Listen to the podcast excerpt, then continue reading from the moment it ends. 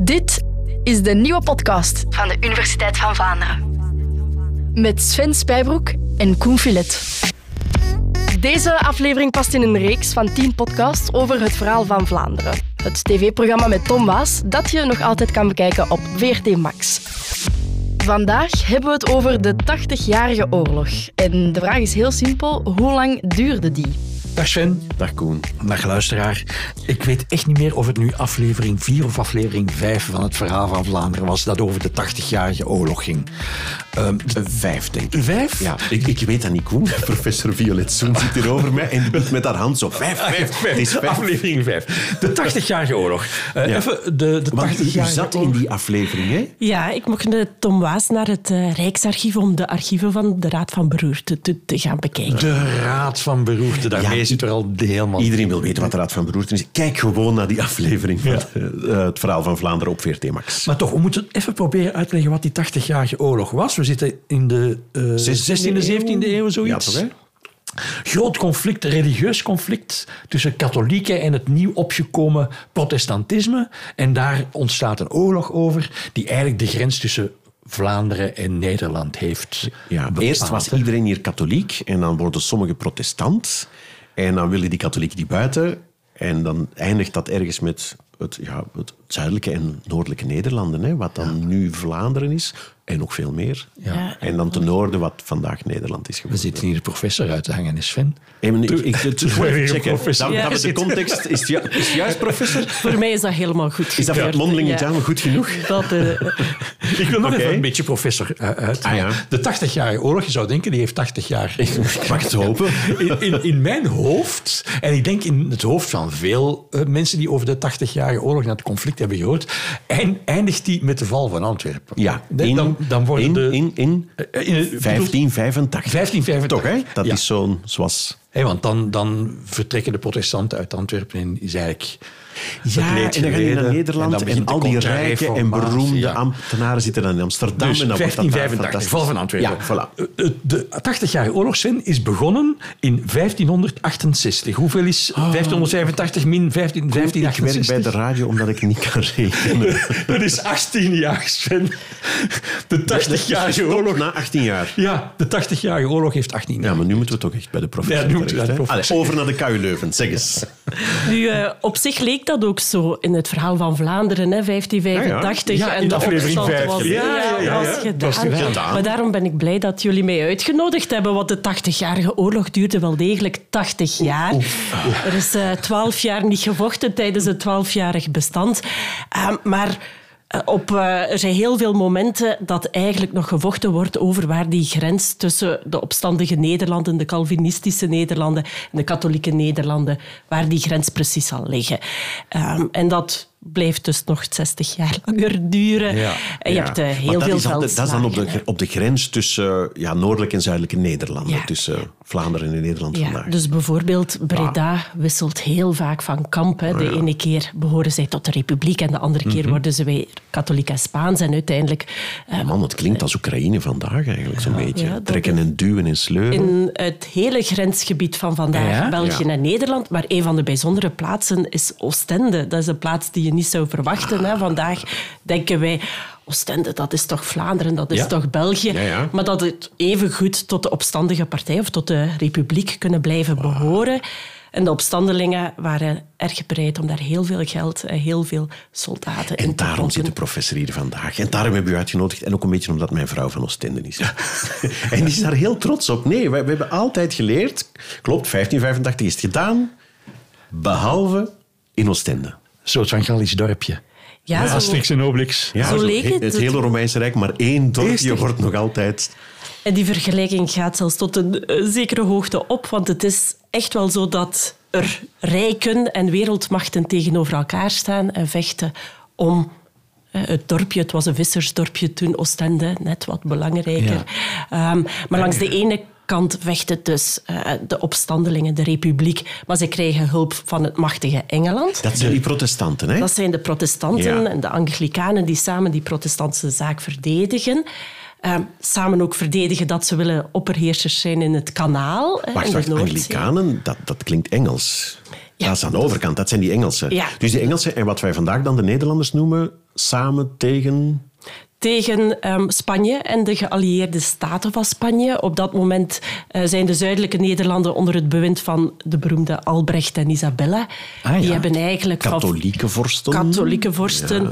Die hebben in theorie uh, de Nederlanden als bruidschat gekregen van papa Philips II. Dus dat was fijn. Die mochten hier zelf koning zijn of zelf heerser zijn, maar op de voorwaarden... een klein probleempje. Oostende moet je nog zelf zien te veroveren. Ja, en het, het kleine probleempje vooral Albrecht en Isabella is vooral dat ze geen um, soevereiniteit hebben over hun eigen leger. Het leger wordt nog steeds door de schoonvaders en de schoonfamilie oh, uit Spanje Ja. Ja. Ah, ja. En, en, ze vragen dan, neem ik aan, aan schoonvader, kan je alsjeblieft even Oostende ook veroveren? Dan hebben we dat toch. Ja. Ja, oké. Okay. En dat is... Fluitje van een cent, toch?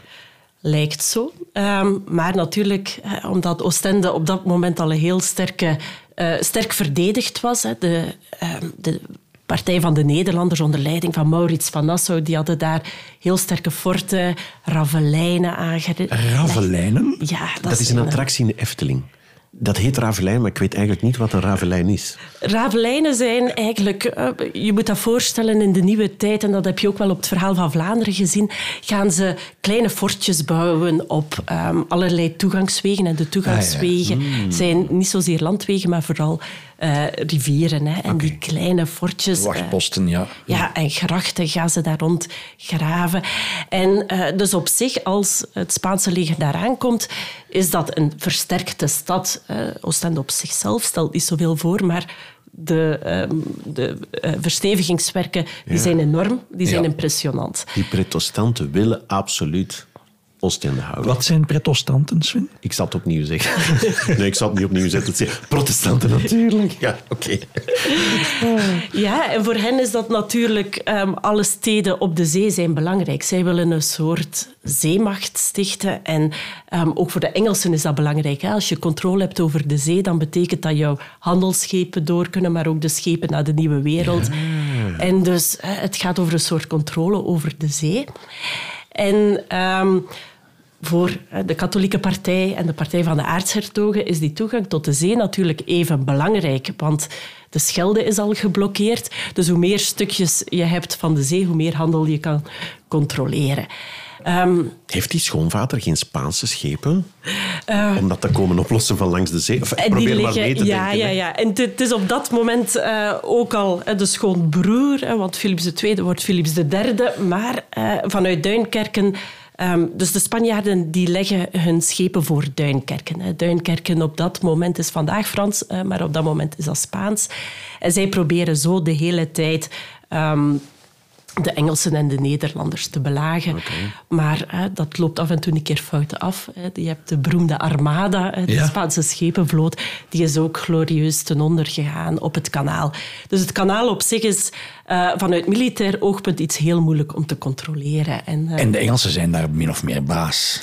op dat moment zijn ze daar beter in, laat het ons zo zeggen. Ja. Dus moet ik het mij dan zo voorstellen dat het Oostende uh, omsingeld is aan de kant van het land door de Spanjaarden, maar aan de kant van de zee nog wel een uitweg heeft naar Engeland en de rest van de wereld. Ja, en zo kan eigenlijk dat klein dorpje drie jaar lang weerstand bieden aan een, toch wel een, een, een impressionant leger hè, van uh, Spanje. Het Spaanse leger zal steeds aangroeien. Er wordt steeds meer geld gezocht om steeds meer soldaten daar te kunnen uh, stationeren. Maar ja, die hebben ook een strategisch nadeel, want effectief... Ja. Uh, de bevoorrading gebeurt via zee en die is constant. Dus ze kunnen eigenlijk niet de stad de pas afsnijden. En hoe verging het tijdens die drie jaar de Oostendenaren, die geen soldaten waren? Ja, op, op zich zijn zij in hun bewegingsvrijheid enorm beperkt. Hè. Voordien was het al ongemakkelijk. Hè. Dan kon je eigenlijk maar de stad uit met een soort vrijgeleiders of paspoorten. Maar nu ben je helemaal omsingeld, maar je hebt altijd die uitweg Ja. via de zee. Want normaal verhonger je dan hè, bij zo'n beleg. Ja. Raar woord in deze context, beleg. Maar goed, Eh, nu kan er eten via Engeland komen de hele tijd Ja, bijvoorbeeld. ja, ja. En dus zij kunnen ook overleven, maar het is natuurlijk zo voor beide partijen is dit een heel penibele toestand. Ja. Er vallen enorm veel slachtoffers aan beide zijden. Ehm, en dat gebeurt onder andere... Allee, die oorlogstactieken toen zijn heel gemeen. Hè. De, de grachten worden bijvoorbeeld onder water gezet. En dan gaan heel veel soldaten op hetzelfde moment verdrinken. Dus je hebt heel veel slachtoffers en heel veel ehm, miserie. Ook hè, als, als ik dan denk aan mensen die nog in Oostende leefden... dan gaan daar mensen zeker familieleden verloren zijn. Dat is eh, de hele tijd door maar miserie rondom de stad. En eh, het is niet zozeer eh, honger, uithongeren, maar het is toch wel heel veel menselijk leed. Maar die, die burgers proberen de stad niet te ontvluchten op een of andere manier. Want dat moet toch ook... Ja, kon dat?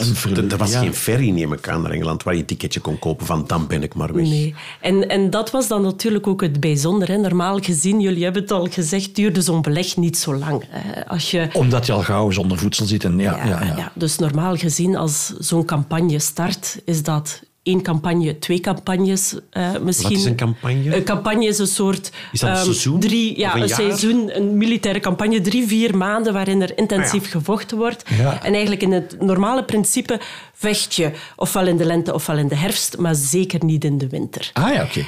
En Albrecht van Oostenrijk, hè, wanneer hij daaraan komt met zijn eh, Spaans leger, denkt hij, hè, dat, is, dat is wel heel uitzonderlijk, ik ga dat hier zo vlug winnen dat ik mijn herfstcampagne laat volgen door een wintercampagne. Wat Hij eigenlijk begint er te laat was. op het jaar aan eigenlijk. Ja, ja. En, eh, en hij zorgt eigenlijk dat zowel eh, natuurlijk bij de vijand, maar ook bij zijn eigen troepen moraal daardoor zeer laag is. Hè. Als je je eigen soldaten in de Ja, winter nee, laat niet in de winter, Ja. zeggen die soldaten dan. Ja, en, en, dan, eh, en, en dat merk je in heel veel van die chronieken van die Spaanse soldaten. Die zijn, dat, ehm, die zijn natuurlijk een heel ander klimaat gewoon. Dus stel je voor, je Mhm. komt uit het zonnige Madrid, Castilla en Leon en dan kom je hier in de kilte. En, Dat was ehm, echt... Die kwamen helemaal kastanjettengewijs van Spanje naar hier. naar hier. eh, maar het zijn niet alleen Spanjaarden, het zijn ook Italianen enzovoort enzovoort. Hè. Maar ehm, die Spaanse soldaten zelf die schrijven altijd over de mistige Nederlanden, Ja. de kilte in Maar een ja. botte. Die moeten daar in zo'n grachten zitten met heel veel water. Die kunnen verdronken worden door de vijand. En voor hen is zo die, die oorlog met water en kilte en En werd er koude- echt gevochten ook? Is het zo met, met muren en kantelen en kokende olie? Of, of... De, het- het De musket gaat- was al uitgevonden. Ja, ja, ik weet het, maar je hebt zo'n beeld van zo'n beleg. Ja, dan moet je voorbij die stadsmuren zien te geraken. Of... Ja, ik, ik denk dat het verhaal van Vlaanderen daar een heel juiste weergave gaf van... eh, in, in de nieuwe tijd, in de 16e, 17e eeuw, gaat het toch vooral over innemen van forten, innemen van verdedigingswerken. En dan heb je niet meer de veldslagen, Nee, hè, zoals nee, in de nee, nee. middeleeuwen. Dus Tot iemand het opgeeft. Ja, het Ja. gaat om een strategisch belang en het innemen van fort na fort na fort na fort tot het... Komt, maar hier zitten we drie jaar in een padstelling. Ja. Terug even naar die soldaten in de winter. Eh, als ze dat als, ze, als de, de, de motivatie zakt, ja, dan begin ik te denken, wordt er dan gemuid? En zijn er mensen die zeggen van, sorry, eh, soldaten die zeggen. Waren, waren dat beroepssoldaten ook? Sorry, of zijn dat mee, huurlingen die je moet betalen en die anders denken, ja, ik ga ergens anders vechten waar het mooi weer is? Of... Ja, dus op, op zich worden soldaten betaald. Het zijn ehm, eh, tot op zekere hoogte ook huurlingen. Eh, dus dat is in ieder leger in, in de vroegmoderne periode zo. Ehm, en het geld is altijd de motor van de oorlog. Hè. Ja, ja, ja. Eh, dus beide partijen moeten enorm veel geld pompen in hun soldaten. Ehm, en je ziet inderdaad, maar dat is eigenlijk aan beide zijden zo, dat wanneer de betalingen niet vlug genoeg komen, dat er af en toe muiterijen zijn. Die zijn er eh, rondom het beleg van Oostende zelf wat minder, maar voordien en nadien heb je heel vaak aan beide zijden soldaten die beginnen muiten of die beginnen vrijbuiten.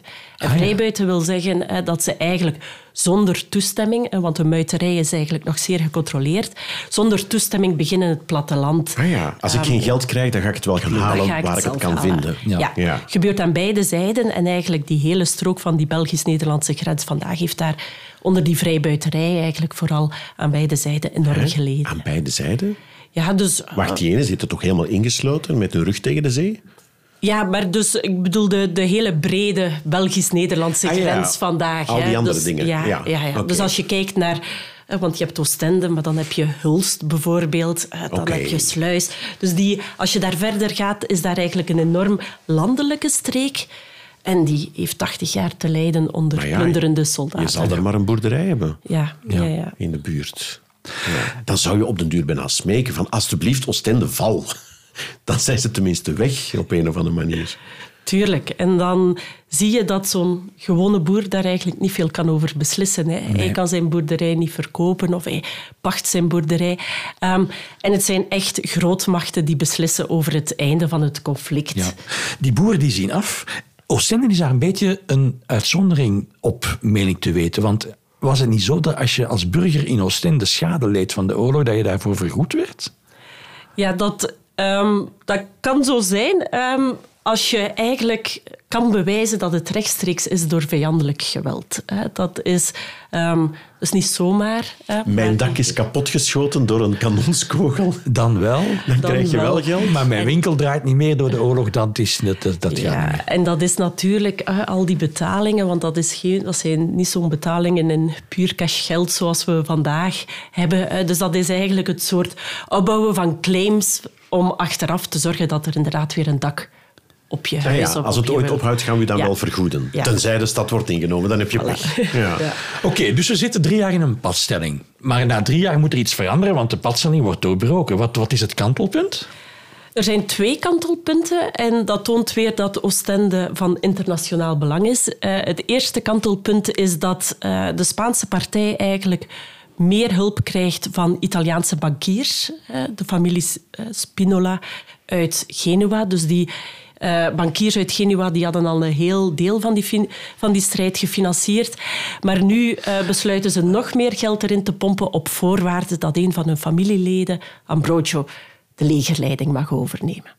Ah ja, ah, ja zo'n oorlog wordt niet gefinancierd uit de schatkist, maar dat, daar worden leningen voor uh, aangegaan. En de bank zegt op een bepaald moment, ja, je krijgt vers geld, maar dat loopt dan niet zoals het zou moeten.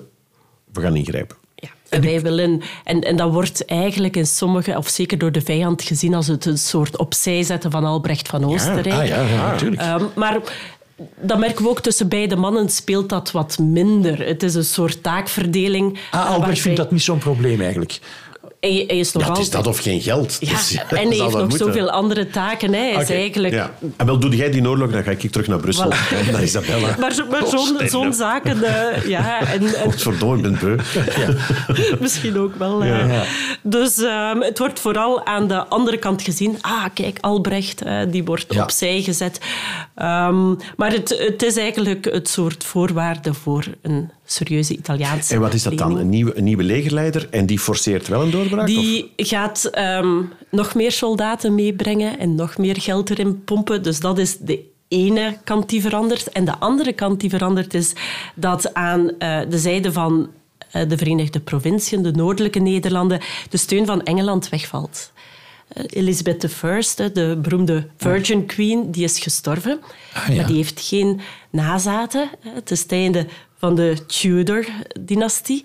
Er komt een nieuwe koning. eh, Die moeten ze halen bij de Stuart, een andere dynastie. En die nieuwe koning, James eh, I, die zegt...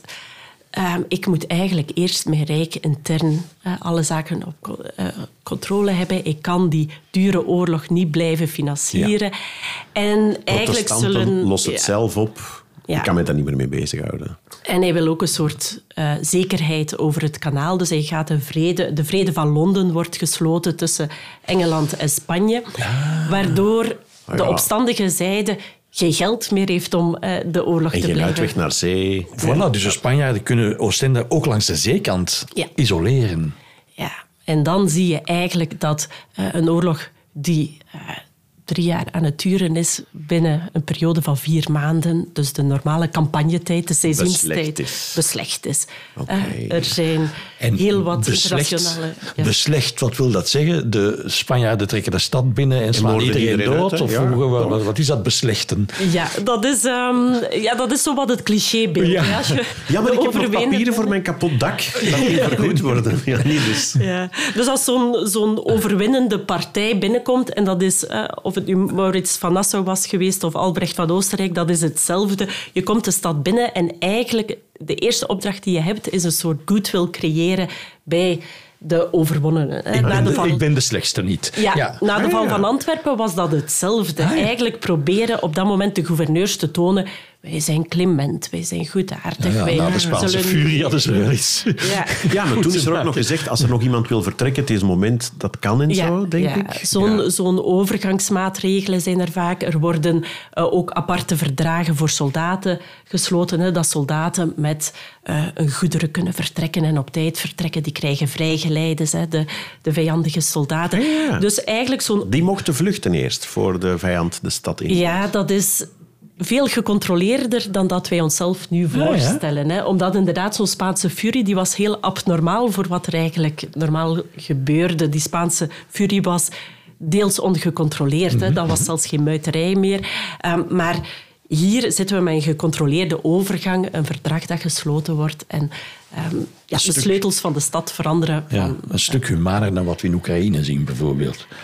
Ja, nu wanneer Oostende uiteindelijk valt, is er groot jolijt aan ehm, de Spaanse zijde. Bij de aartshertogen niet in het minst. Die hebben daar heel lang op gewacht, de overwinning die ze nodig hadden. En eh, heel typisch in die tijd is dat je dat dan vergelijkt met een grote slag uit de oudheid. En dat je zegt, wij doen nog beter. Dus Albrecht van Oostenrijk die zei, wij, zijn net, eh, wij hebben net het oninneembare Troje ehm, ingenomen. Troje is gevallen, God is met ons. Ah ja, Troje, dat is, dat is uit Griekenland in de tijd. Dat is met het Trojaanse paard. Hè? Ja, Die ja. Grieken die dan met een list... Zo listig. En Ja, wij ja. hebben zo een slechte, hypocriete vijand. Wij hebben die Ja. ingenomen. En ook heel typisch voor die tijd. Hè. Wij denken dan vooral over welk gebied gaat naar de andere zijde. Maar voor de toenmalige tijdsgeest is dat ook een soort keuze van God voor de ene of de andere partij. Ah ja, want dat was katholiek- katholieken tegen protestanten en anglicanen. ja. En dus het wordt opgedragen aan natuurlijk de interventie van eh, de maagd Maria. En, eh, God is voor de katholieken en niet voor de protestanten. voilà. En de heiligen hebben geholpen aan Spaanse zijde. En dan zie je de aartshertogen heel veel ehm, een soort ja, van die pelgrimstochten en devoties voor Maria. Ah ja. Scherpenheuvel, zoals we Tom Waas in, in Scherpenheuvel zagen, hè, dat is een soort heel groot complex, contra-reformatorisch complex, dat ze hebben opgericht ter ere van Maria. En, ehm, Als er dus vandaag zo'n groot spel is rond Maria in Scherpenheuvel, is dat omdat ze daar verschenen is, maar ook omdat ze zou geholpen hebben bij het beleg in Oostende. Ja, ja, ja. En er is zo'n anekdote. Ik weet nog altijd niet of ze waar is, maar ik, ik ken ze via Ivo Hermans, een eh, persoon die zijn hele leven al bezig is eh, aan het zoeken naar sporen van de Hispano-Flamenco's, de ehm, Spaanse aanwezigheid in de Nederlanden. En die heeft mij ooit een anekdote verteld dat Isabella van Oostenrijk eh, bij het begin van het beleg van Oostende zou eh, aan de maagd van Maria gebeten hebben. Help me alsjeblieft, help mijn man alsjeblieft. Ehm, en zorg dat hij vlug terug thuis komt van de oorlog. Ik zal zo lang mijn ondergoed niet verversen. En sindsdien... Drie, drie jaar. Drie jaar. En Dat wisten ze natuurlijk niet op die moment. en sindsdien zou er een kleur Isabella Bruin bestaan. En, eh, Kijk eens. Oh, maar fijn. Oh, echt waar. Maar dus in 1604 was het afgelopen, hè? ja.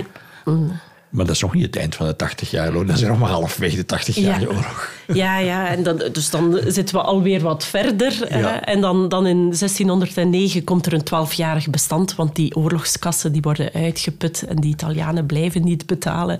Ehm, dus dan wordt er twaalf jaar niet gevochten, maar onmiddellijk na dat twaalfjarig bestand wordt er wel weer gevochten. En, eh, Ik begrijp, er zijn nog heel wat podcasts te maken over de 80 jaar oorlog.